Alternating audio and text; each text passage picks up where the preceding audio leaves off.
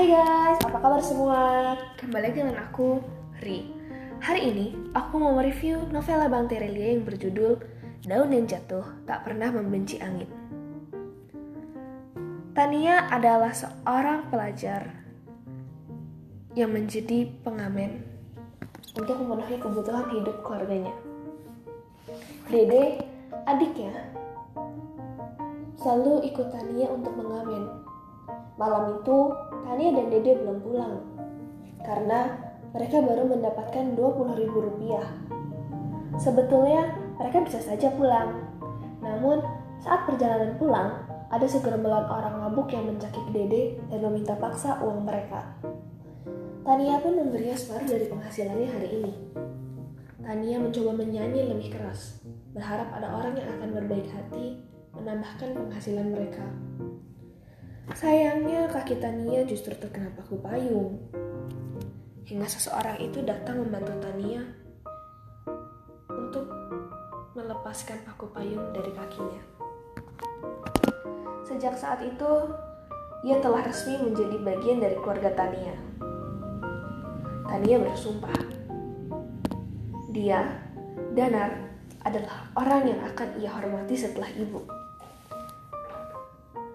Tania tahu saat itu, ia mengagumi dia, malaikat keluarganya. Dua tahun berlalu dengan begitu cepat.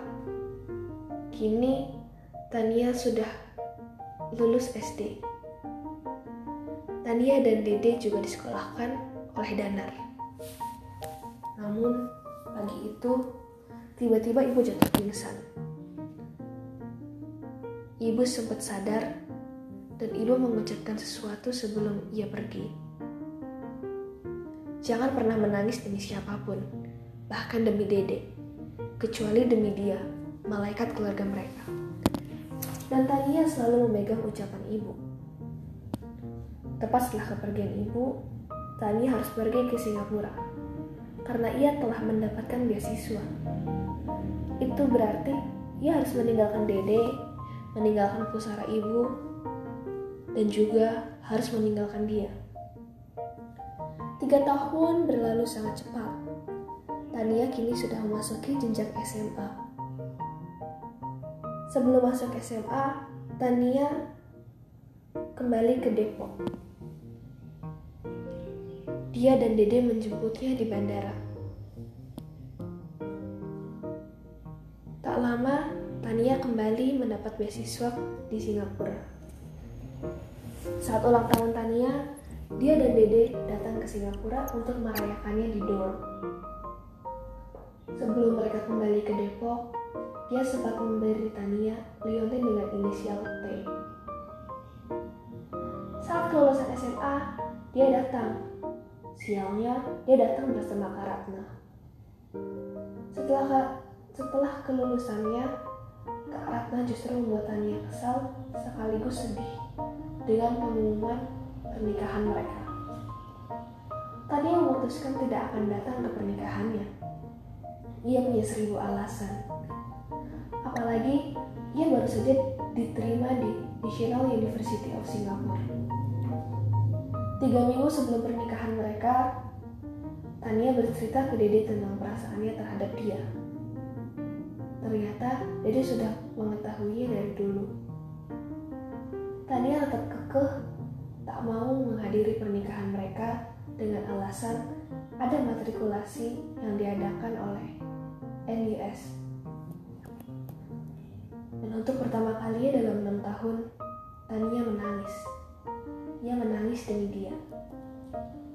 Kini ia berusia 19 tahun, Dede 14 tahun, dan dia 33 tahun. Tania sungguh tidak pulang saat perayaan pernikahannya. Tania hanya bisa menangis terisak di flatnya. Berbulan-bulan Tania membenahi dirinya, dibantu dengan N, sahabatnya selama enam tahun belakangan ini. Saat ini Tania sudah memiliki toko kue.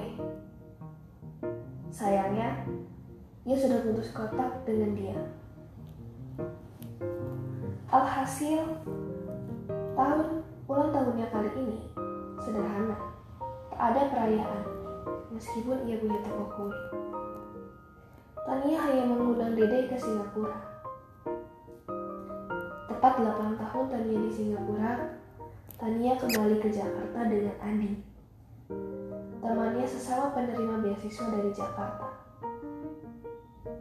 Adi bahkan merapat-rapat mengantar Tania ke rumahnya di Depok. Setelah Tania kembali ke Singapura, karena sempat bercerita tentang kehidupannya dengan Kak Danar yang hambar. Setelah beberapa kali mendapat email dengan keluhan yang serupa, Tania memutuskan untuk kembali ke Jakarta dan mengklarifikasikan langsung ke dia. Tania bertemu dengannya di belakang pohon linden, tempat rumah kardus mereka dulu. Dede bilang Kak Dana sebetulnya punya perasaan yang sama kepada Tania. Apa yang dilakukan oleh Tania selanjutnya? Apakah mereka akan akrab seperti dulu lagi? Dan apakah maksud dari potongan gambar pohon linden di belakang liontinnya? Baca aja di bukunya Bang Tere yang berjudul Daun yang jatuh tak pernah membenci angin ya guys. Menurutku buku ini seru karena yang baca ikut ke bocah emosional. So, don't forget to enjoy this book. Sekian dari aku. Terima kasih. See you on my next podcast. Bye bye.